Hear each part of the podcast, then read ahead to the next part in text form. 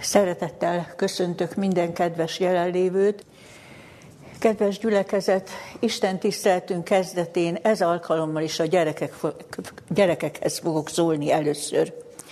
Kedves gyerekek, a 147. Zsoltárból idézek két biblia verset, amely így hangzik. Ezt mondja Istenről. Meggyógyítja a megtört szívűeket, és bekötözi sebeiket elrendeli a csillagok számát, és minnyájukat nevéről nevezi. Észreveszitek, hogy mi a különlegesebben a két Biblia versben? Úgy beszél Istenről, hogy a sok-sok ember között, akik itt a Földön élnek, észreveszi, így olvastuk a megtört szívűeket, akiknek valami bánatuk van, vagy valami gondjuk van, de ugyanakkor ő elrendeli a csillagok számát, és mindegyiket nevéről nevezi. Hát kérdezem tőletek, szoktatok-e a csillagos égre felnézni, és gondolkoztatok azon, hogy milyen rengeteg égitest van, és azokat mind a Jóisten tartja a világ űrben a pályájukon. És ugye itt a Földön úgy van, hogy valaki már egy nagy ember, akkor a kis dolgokkal nem foglalkozik. De milyen csodálatos az, hogy Jóisten, aki a csillagok számát elrendeli, egy parányi embernek a kis gondjára is odafigyel, és segítségére van. Szeretnék nektek a Bibliából felidézni egy történetet, amikor azt látjuk, hogy egy, egy kis gondra is a Jóisten milyen szeretettel odafigyel és segítségül jön.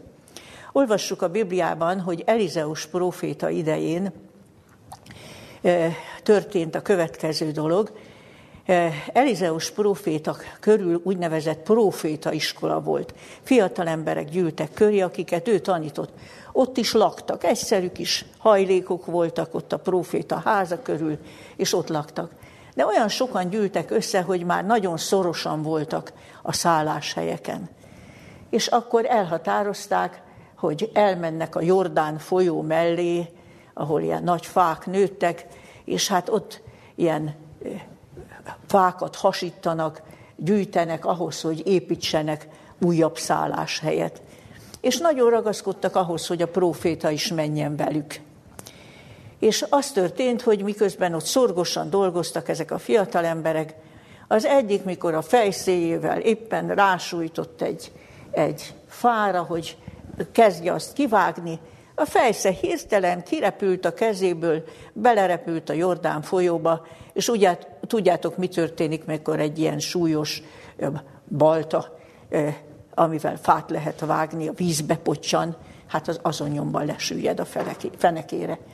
És hát a Jordán folyó mély volt, az teljesen reménytelen volt onnét felhozni.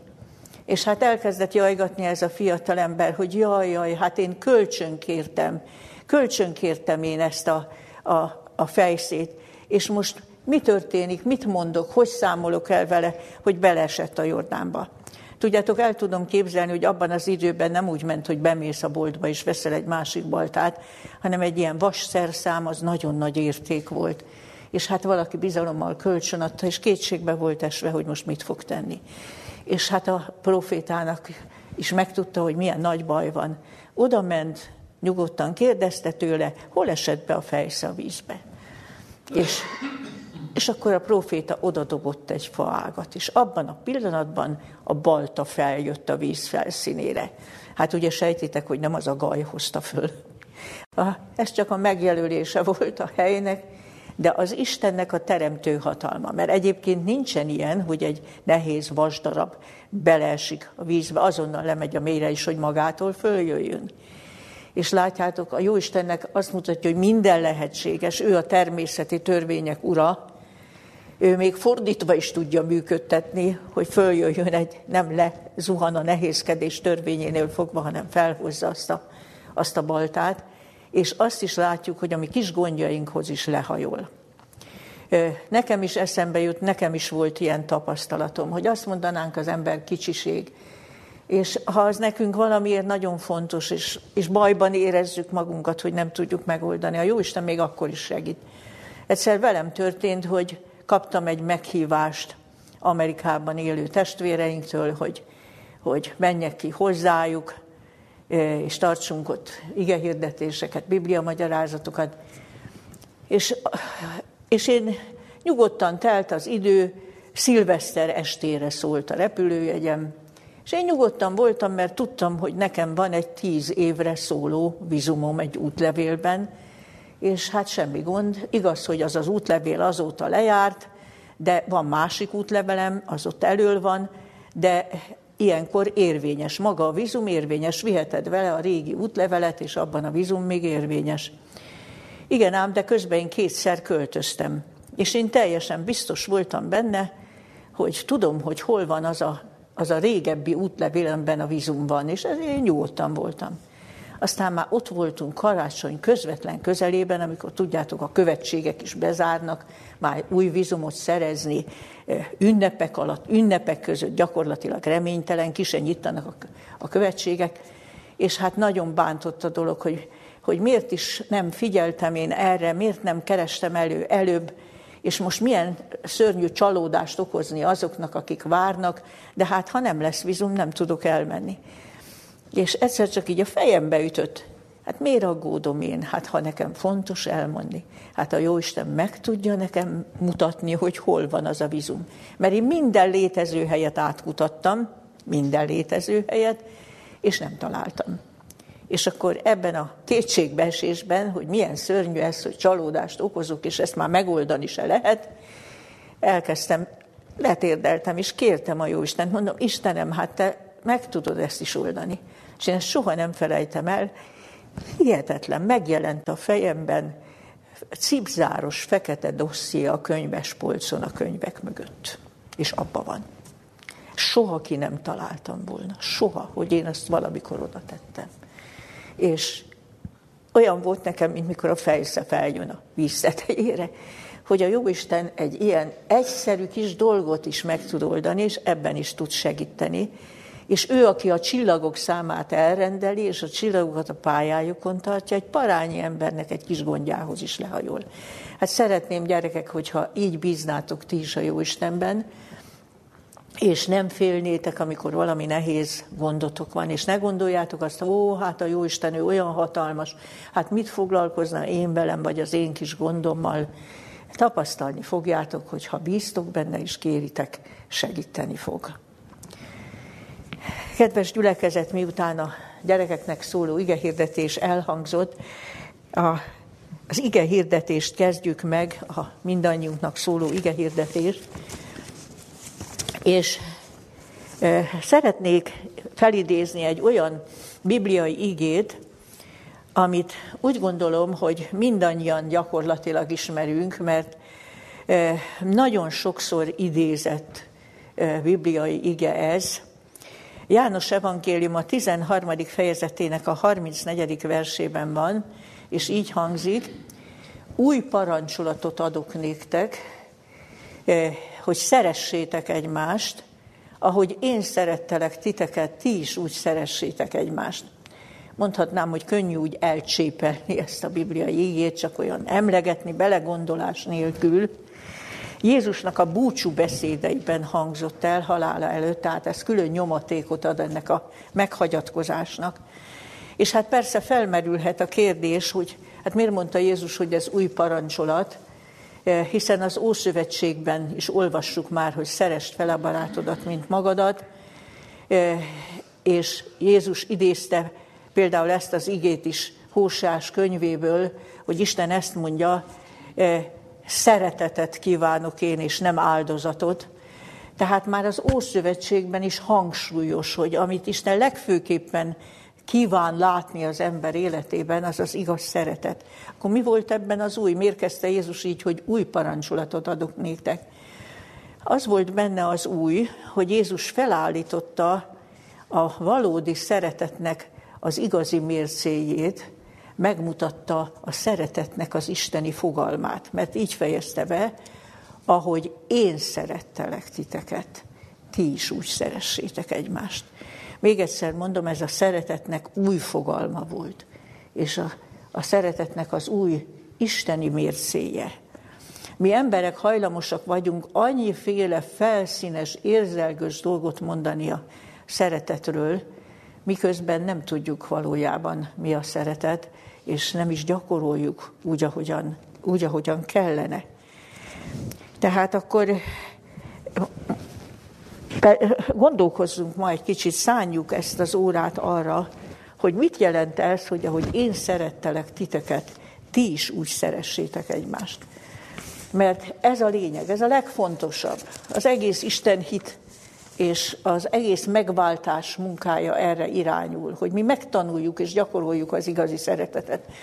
Csak említem, hogy ugyancsak a, a halál előtt mondta el Jézus az úgynevezett főpapi imáját tanítványaiért, és itt is az utolsó mondat, ami az atyához intézett, így hangzott, hogy az a szeretet legyen ő bennük, ahogyan te engem szerettél. Tehát ez a célja az egész megváltás munkájának, hogy bennünk emberekben is az a szeretet legyen, ahogy az atya szereti a fiút, vagy ahogy Jézus szerette a tanítványait. Tehát mindenképpen a szeretetnek az isteni mércéjével szembesít bennünket. És fordítsuk most figyelmünket csupán csak Jézus földi életének az utolsó szakaszára, hogy akkor hogyan és miképpen nyilatkozott meg a tanítványai iránti szeretet. Milyen értelmét látjuk ennek a felhívásnak az ő élete utolsó szakasza fényében, hogy ahogy én szerettelek titeket, ti is úgy szeressétek egymást. Annál is inkább indokolt, hogy ilyen szempontból Jézus életének az utolsó szakaszát vegyük figyelembe, eh, illetve különösképpen ott figyeljük meg, hogy ő hogy szerette a tanítványait, mert János evangélium a 13. fejezetében így kezdődik a Jézus élete végső eseményeiről szóló beszámoló. Idézem János evangéliuma 13. fejezetéből az első verset. János evangéliuma 13. fejezetében az első vers a következőképpen hangzik. A húsvét ünnepe előtt pedig, tudva Jézus, hogy eljött az ő órája, hogy átmenjene világból az atyához, mivel hogy szerette az övéite világon, mindvégig szerette őket. Érdekes ez a bevezetés, tehát mintha azt mondaná, hogy hát ezért gyűlt össze velük az utolsó vacsorára, aminek a leírása ezután kezdődik, és az összes további, ami zajlik még Jézus feltámadásáig bezárólag, az arról tanúskodik, hogy szerette az övéit, mindvégig szerette. Ugye itt az övéi közelebbről a 12 tanítványra vonatkozik, de tágabb értelemben a Krisztus mindenkori tanítványait jelenti. És álljunk meg mindjárt ennél a kifejezésnél, hogy mindvégig szerette őket. Mert mindezt azért fogjuk megfigyelni, hogy rögtön arról is gondolkozzunk, hogy nekünk hogyan kéne hasonló szeretetet gyakorolni. Hogy mondanánk az más szavakkal, hogy mindvégig szerette. Talán így mondanánk, a végsőkig szerette. Annak ellenére szerette, hogy sok gyengeség, sok hiányosság, fogyatékosság, sőt, védkezés nyilatkozott meg bennük.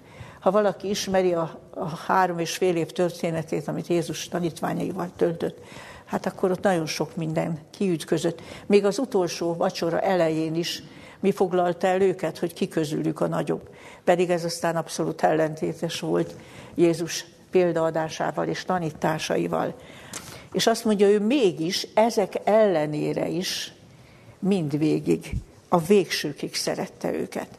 Ez a mindvégig hűséges, kitartó szeretet azt jelenti, hogy nem csüggedek el, és nem torpanok meg, akkor sem, ha másikban gyengeségek ütköznek ki, ha hiányosságokat látok, ha ne talán bántalmazás ér részéről, akkor sem, mert én valahol az ő legbelső lényegét keresem, és a végsőkig nem adom fel azt a küzdelmet, hogy igazi szeretet alakuljon ki. És menjünk is mindjárt tovább, és azt, azt láthatjuk, hogy ez a mindvégig való szeretetről másutt is szól a Biblia, és arról is, hogy milyen természetű ez a mindvégig való szeretet.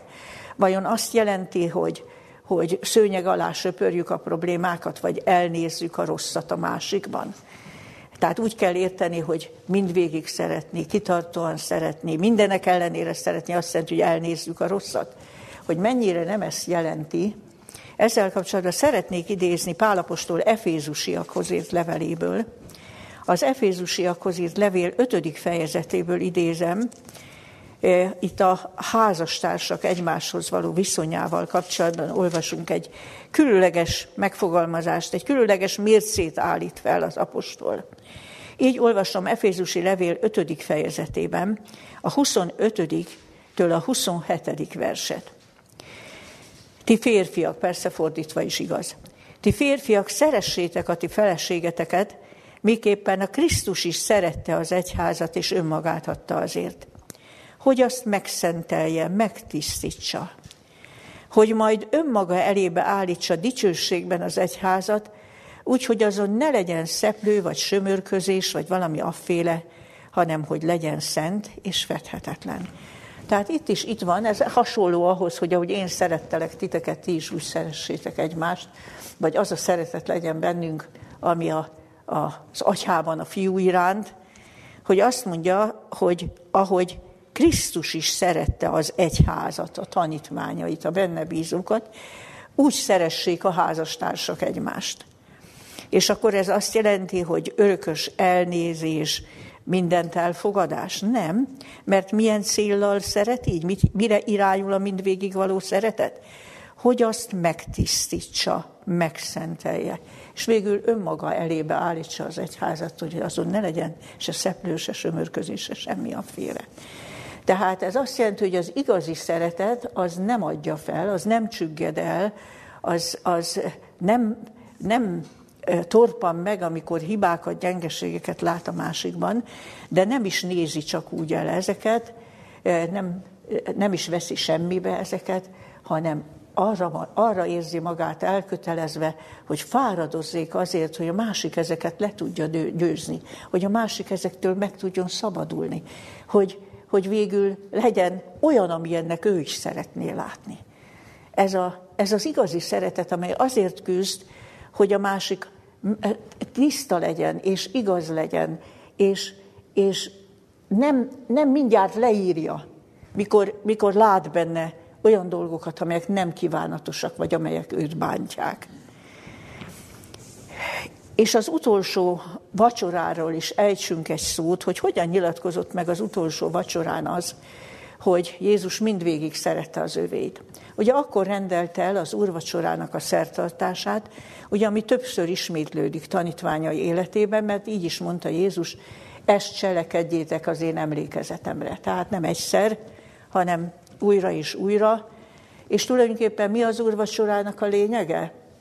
Az, hogy Isten elrendez egy időszakot az életünkben, lemossa a mi bűneinket, egy bűnrendezés, egy, egy teljes megbocsátás történik, és esélyt ad az újrakezdésre. Újra megerősíti a szövetségi kapcsolatot, a szövetségi szeretetet. De valahogy így van ez, az, ha az isteni minta szerinti szeretetet gyakoroljuk egymás iránt. E, mindig adunk esélyt az újraindulásra, a tisztalappal indulásra. Elrendezünk valamit, ami rossz volt, azt teljes szívből megbocsátjuk és akkor tiszta lappal indul újra a történet, hogy ebben a szeretet kapcsolatban kibontakozzék az, ami a kívánatos, ami az üdvös, hogy mindenki győzni tudjon a maga gyengeségei felett. Aztán felmerül a kérdés, hogy vajon ez a kijelentés, hogy Jézus mindvégig szerette az övéit, Júdásra is vonatkozik. Hát ő egy volt a tizenkettő közül, ott volt az urvacsorán, őt is részesítette Jézus ebben, Hát pedig megkérde, tegyük fel a kérdést, Jézus tudta, tudta, hogy, hogy Júdás már megtette azt, hogy elment az ő halálos ellenségeihez, és megkérdezte tőlük, hogy mit akartuk adni, ha kezetekbe adom. Jézus nagyon jól tudta. Erről bizonyságot is tett az utolsó vacsorán. Mégis figyeljük meg, hogy a végsőkig nem leplezte le Judást. Ő mindent tudott, hogy mi, mi forog most is a fejébe, mire készül. És, és csak olyan, olyan finom késztetéseket adott a lelkismeretének, csak, csak úgy küzdött Júdásért az utolsó percig. Azt olvassuk János evangéliuma 13. fejezetében, és ez is egy figyelemre méltó részlet itt az utolsó vacsora leírásában. Így olvasom a 13. fejezetben,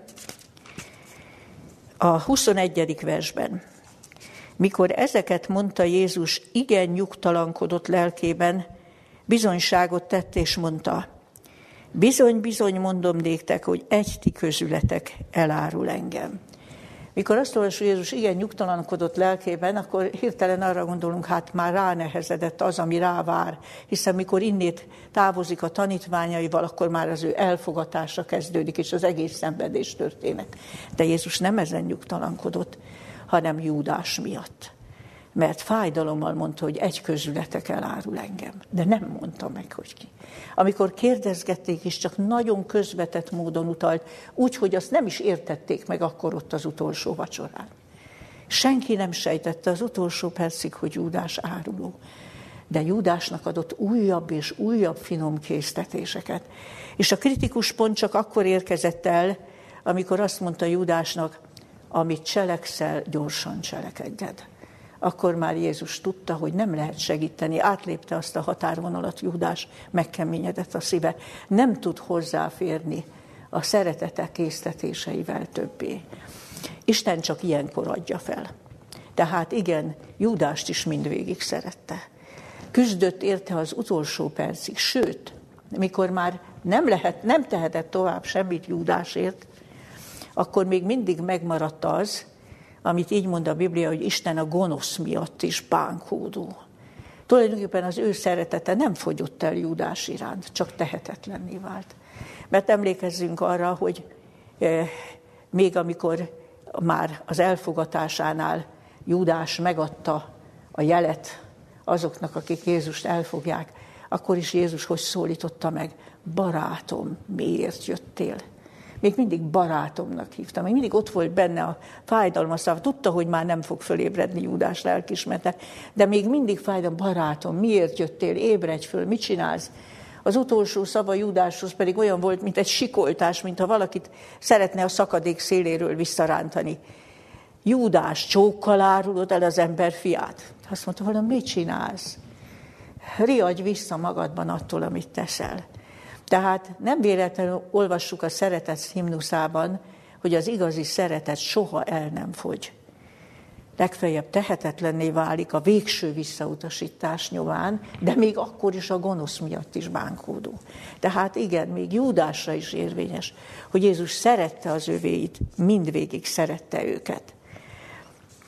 Azután gondolkozzunk azon, hogy hogyan nyilatkozott meg Jézus szeretete Péter iránt, az utolsó vacsorán, ugye, amikor hát Jézus azt mondta, hogy egy közületek elárul engem, és sorba kérdezgették, csak nem én, csak nem én. Péter határozottan kijelentette, hogy ha mindenki elhagy is, én biztos nem. Én tömlöszre és halálra is kész vagyok veled menni. Teljesen őszintén gondolta, de benne volt az a Péteri magatartás, hogy én mindenkinél jobban szeretlek, ezek a többiek lehet, hogy megteszik, de én soha. És Jézus tudjuk, hogy mit mondott neki, hogy mondom neked, hogy a kakas nem szólal meg e, kétszer, amire te már háromszor is elárulsz engem, el, megtagadsz engem, nem elárulsz, hanem megtagadsz engem. És akkor Péter még jobban fogadkozott, szinte megsértődött, hogy Jézus hogy mondhat ilyet. És akkor Jézus mondott egy olyan szót, amit nekünk is érdemes megfigyelni, mert a mindvégig való szeretethez nagyon hozzátartozik. Azt mondta, Simon, Simon, sátán kikért titeket, hogy megrostáljon, mint a búzát, de én imádkoztam érted, hogy el ne fogyatkozzék a te hited.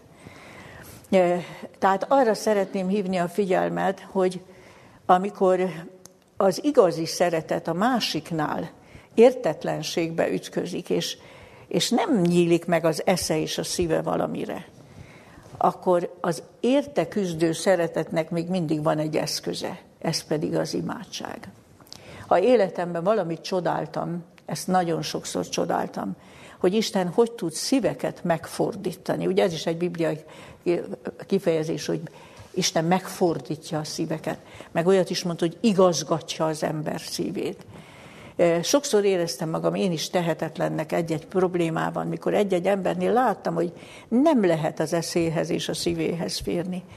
És, és pedig nagyon szükséges lenne, és nagyon kár érte is. És a, egy ideig tartó, kitartó, buzgó imádságra nem is akar az ember hinni a szemének vagy a fülének, hogy ugyanaz az ember lehiggad, lecsendesedik, megbánást tanúsít, megfordul a gondolkozása és jó irányt vesz. Tehát szeretnék mindenkit bátorítani, hogy a mindvégig való szeretet még akkor se adja föl, mikor bántja őt, hogy a másik látszólag nem érti, vagy nem akarja érteni, makacs, nem tud rajta segíteni, nem tudja jó belátásra bírni, akkor, akkor jön ez a segítség, akkor imádkozik érte. Istenem, te tudod az emberek szívét igazgatni, te tudod az emberek belső gondolkozását megfordítani, belátásra vezetni. És e, ezt tette Jézus Péterért. Bántotta őt Péternek a magabiztossága, meg a sértődése, de nem ledorongolta, hanem imádkozott érte, hogy e fölött a gyengesége felett győzelemre jusson. És ha tovább nézzük Jézus és a tanítványai történetét a szenvedés történetben, akkor emlékezzünk arra, hogy mikor aztán beteljesedett, amit Jézus mondott, és Péter valóban háromszor egymás után megtagadta Jézust, ugye a főpap udvaráig kísértem, igyekezett kitartani abban, hogy tömlössze is halára is kész vagyok elmenni veled. A többiek már mind szétfutottak a tanítványok, mikor Jézust elfogták, de János és Péter is vele ment a főpap udvaráig. Akarta ő tartani magát, hogy meg, megvalósítsa, amit ígért. De a főpap udvarában már óriási behangolódás volt Jézus ellen, és ő igyekezett úgy tetetni magát, mintha ő neki semmi köze nem lenne Jézushoz. És amikor aztán egy szolgálólány felismerte is, és rámutatott, hogy te is közülük való vagy, akkor végül odáig ment, ismerős ugye a történet, hogy átkozódva, esküdözve tagadta meg, hogy én nem is ismerem azt az embert. És a kakas megszólalt a harmadik tagadásnál. És ebben a pillanatban még valami történt, ezt, ezt egyedül csak egy evangélium jegyzi föl, Márk evangélium a 16. fejezetének a hetedik verse. Mindegyik megjegyzi szinte, hogy Péter azonnal keservesen sírva menekült el a főpap udvarából, tehát abban a másodpercben kétségbe esett saját magától, és megbánta, amit tett. De egy mozzanatot csak Márk evangélista jegyez föl, és ezt idézem Márk evangéliuma 16. fejezetéből a hetedik verset, ahol a következőt olvassuk. Tehát Márk evangélium a 16. fejezetéből a 7. verset olvasom. Illetve nem, bocsánat, még előbb azt az igét, az, az pedig Lukács evangéliuma jegyzi föl a 22. fejezetben, hogy amikor elhangzott Péter utolsó tagadása, akkor Jézus, akit éppen kihoztak a főpap udvarában a tornácra, hátrafordult és rátekintett Péterre. És Semmit nem ír föl a Biblia, hogy mi volt ebben a tekintetben. De kitalálhatjuk. Biztos, hogy nem volt benne megvetés, biztos, hogy nem volt benne harag, biztos, hogy még csak szemrehányás sem volt benne, hanem minden bizonyal csak mélységes szomorúság, de azonnali megbocsátókészség. És a változatlan szeretet is ott tükröződött Jézus tekintetében. Szomorúság, de változatlan teri, szeretet. És én úgy gondolom, hogy ez volt az, ami igazán keserves sírást fakasztott Péterben. És ami, ami igazán felszakította benne a legmélységesebb bűnbánatot. És ebből mi mit tanulhatunk az egymáshoz való viszonyt illetően? Azt tanulhatjuk meg, hogy ha az, akit mi szeretünk, és mindvégig szeretni akarunk, az elkövet valami akár nagyon durva hibát, valami nagyon bántó, szinte árulásnak vagy tagadásnak tűnő hibát, e, és akkor, akkor maga is összetörik saját magától, akkor, akkor nem hagyjuk két helyek között vergődni, hogy na most mi már, most már le is számoltunk vele, hanem, hanem azonnal jön a bátorítás, ami segíti talpra állni. Ez volt Jézus tekintetében. Nem hagyta ott Pétert sokáig a kétségbeesésben vergődni, hogy hát most akkor ő mindent eljátszott, akkor ő mindent elveszített neki. Neki már semmi, felül semmi remény nincs. Nem hagyta ebbe vergődni, hanem azonnal rátekintett, ami kifejezte, hogy az ő szeretete vált. Szomorú ugyan emiatt, de a szeretete változatlan Péter iránt. És milyen nagy dolog lenne, hogyha emberek közötti konfliktusokban tudnánk így viselkedni. Hogy fáj, nagyon fáj, de mégsem érzékeltetem azt, hogy na itt a vége, hanem, hanem a, próbálok a másikba lelket önteni, és, és biztosítani a változatlan szeretetről, és tovább küzdünk, együtt tovább küzdünk a győzelemért, a megváltozásért a, az önmaga feletti győzelemre jutásért. És azt, arra is emlékezzünk, és ezt idézem Márk Evangélium a 16. fejezetének a 7. verséből, hogy amikor Jézus feltámadt, és ugye először a, a sírhoz ment asszonyokkal találkozott, akkor üzent a tanítványainak, és így olvasom Márk Evangélium a 16. fejezet 7. versében, ezt mondta, menjetek el, mondjátok meg az ő tanítványainak és Péternek, hogy előttetek megy Galileába, ott meglátjátok őt, amint megmondta nektek. Egyetlen egy tanítványt említett név szerint, a 11 közül, ugye, akik megmaradtak, és pont a legméltatlanabbat, aki háromszor átkozódva, esküdözve tagadta meg őt.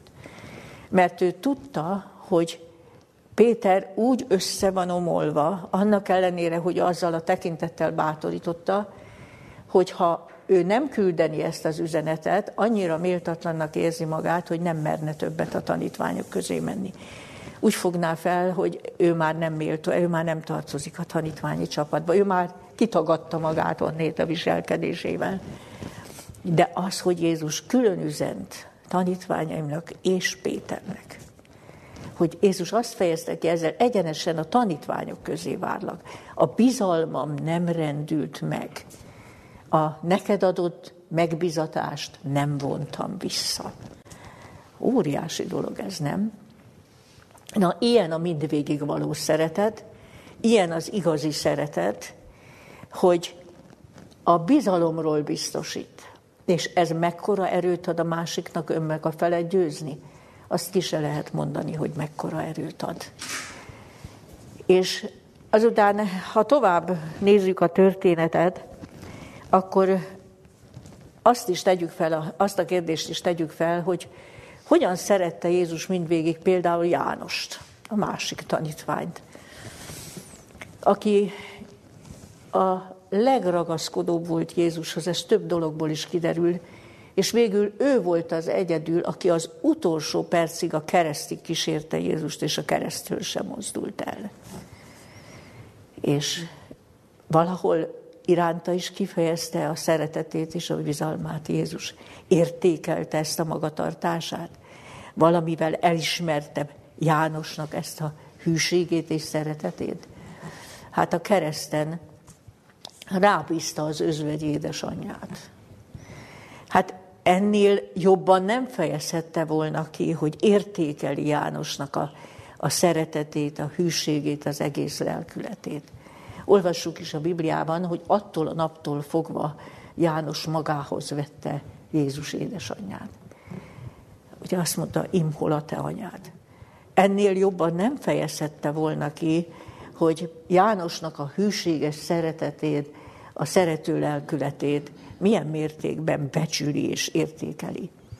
De térjünk vissza Péterhez. Ugye láttuk azt, hogy, hogy Péter eh, tényleg azonnal bátorítást kapott. Jézus egyenesen a tanítványok közé hívta, kifejezte, hogy a bizalma nem rendült meg.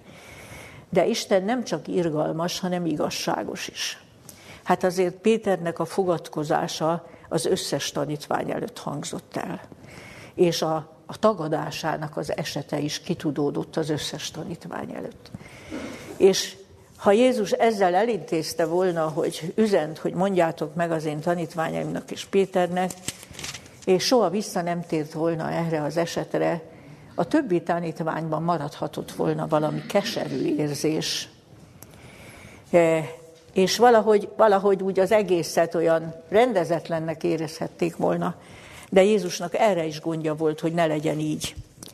Amikor feltámadása után Jézus Galileába hívta tanítványait, ugye ezt már még, még, még halála előtt is jelezte, hogy majd feltámadás után előttük megy Galileába, akkor János evangélium a 21. fejezetében olvassuk, hogy kezdtek ott gyülekezni a tanítványok, és ugye Jézus egyszer csak megjelent, és együtt ebédeltek végül, ugye ez is különleges körülmények között történt, és így olvasom a 21. fejezet 15. versében. Mikor aztán megebédeltek, mondta Jézus Simon Péternek, Simon, Jónának fia, jobban szeretsz engem ezeknél?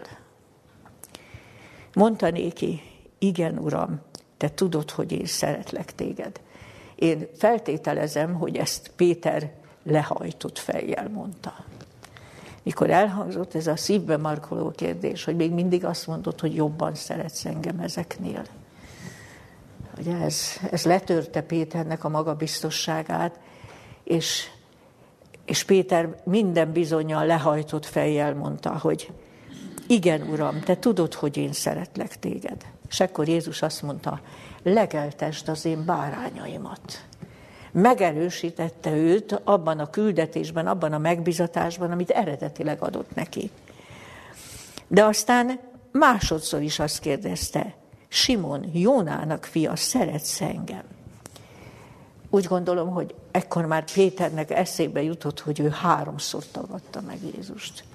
És fájt neki az újabb kérdés, de válaszolt, gondolom ismét meg lehajtott fejjel, igen, Uram, hát te tudod, hogy én szeretlek téged. Akkor Jézus még egyszer mondta, őrizd az én juhaimat. Újra megerősítette őt a tisztségében. És a 17. versben így olvassuk, mondta néki harmadszor is, Simon, Jónának fia, szeretsz engem? És mondta néki, Uram, te mindent tudsz te tudod, hogy én szeretlek téged. Úgy gondolom, hogy már legmélyebb alázattal mondta. Már hozzátette, te mindent tudsz. Hát te tudod, hogy őszintén mondom, hogy én szeretlek téged. És ekkor azt mondta, legeltesd az én juhaimat. Tehát Jézus igazságot szolgáltatott a többi tanítványnak is. A Péter magabiztossága, hetvenkedése a többiekkel szemben, azt helyére tette, hogy meg kell jobban szeretsz engem ezeknél.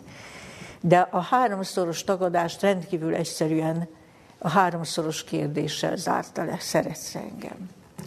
És háromszor is megerősítette abban a tisztségben és küldetésben, amit adott neki.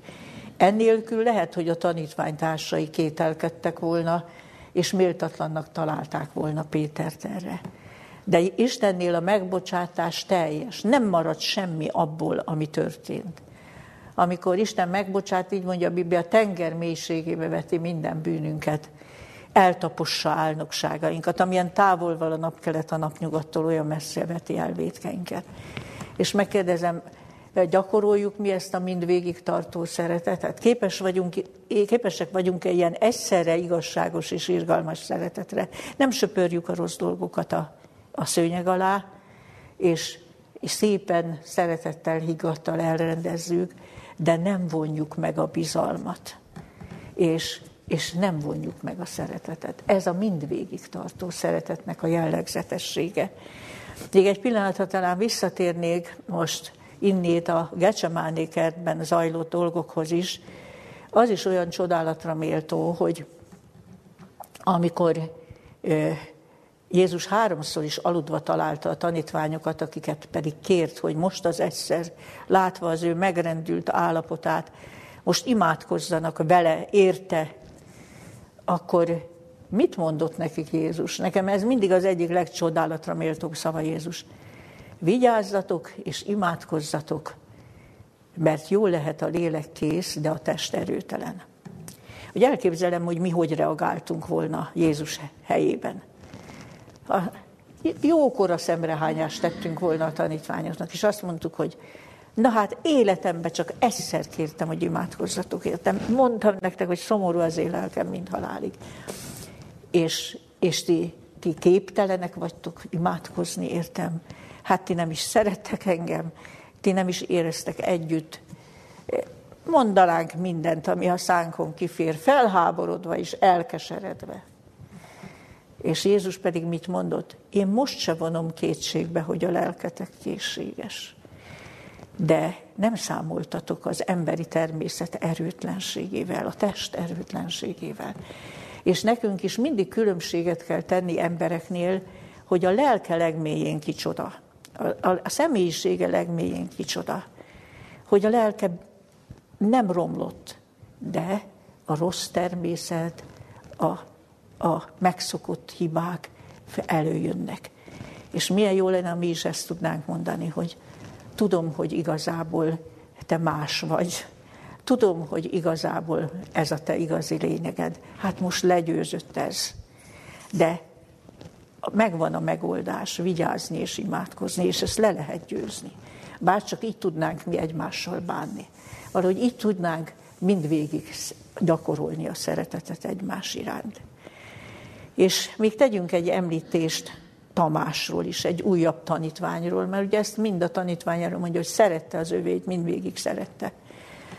Hát ugye Jézus feltámadása után Tamás nem volt ott, mikor először Jézus megjelent tanítványai között, és utána, amíg azok lelkendeztek és, és bátorították egymást, hogy feltámadt az Úr, akkor ő kijelentette, hogy ő semmiképpen nem hiszi el. Megkeményítette magát a tagadásban, a hitetlenségben, talán egy kicsit a lelke mélyén sértődött is volt, hogy a többiek már tapasztaltak valamit, ő meg ebből kimaradt, és, és azt mondta, hogy ha csak nem érintem a saját kezemmel a sebeket a kezén, az oldalán, én semmiképp el nem hiszem. És Jézus hogy reagált erre? Emberek néha mondanak kemény beszédeket, néha olyat, amit meg se gondolnak. E, de ez a Tamás, akit sokszor úgy lekezelünk a tanítványok között, és azt mondjuk a hitetlen Tamás, nem tudom, valaki emlékszik-e rá, hogy amikor például a Lázár feltámasztása történetet olvassuk, akkor Jézus kijelentette, hogy ő most elmegy Júdeába, és akkor azt mondták a tanítványok, hát most akarsz oda menni, hát meg akartak ölni a Júdea beliek.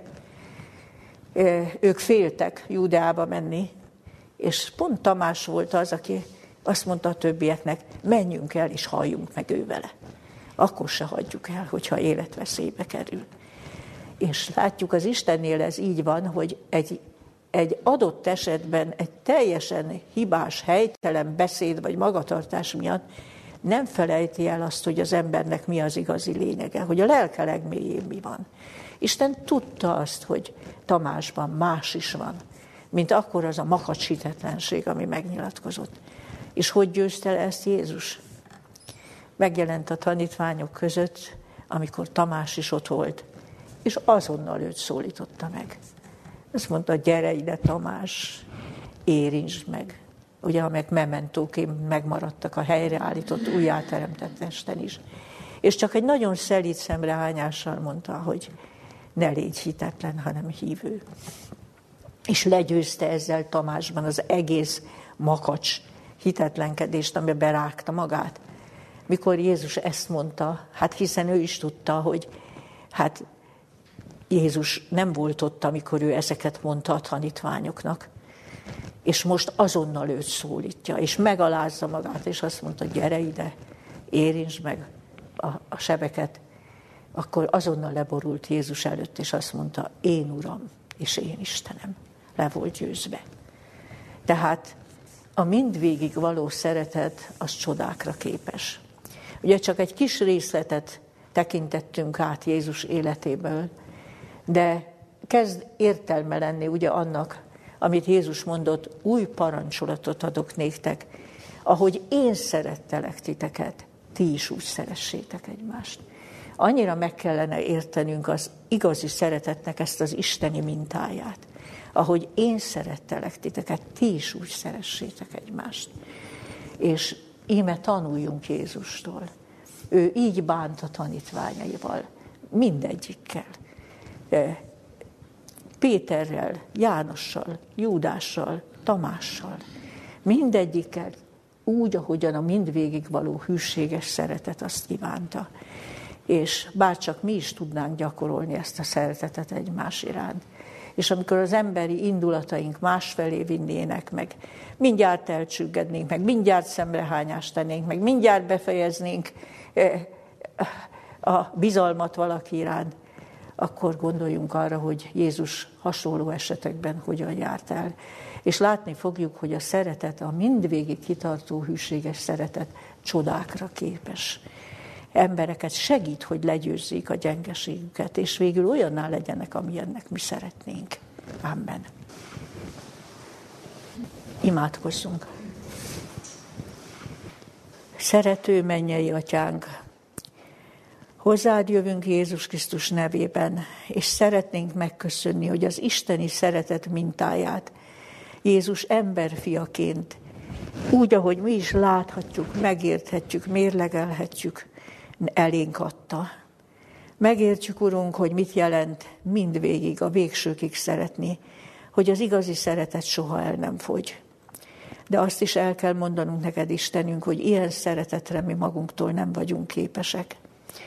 Olyan jó olvasni az ígében, hogy a te szeretetet kitöltetik a mi szívünkbe, a Szent Lélek által, aki adatok, adatik nékünk.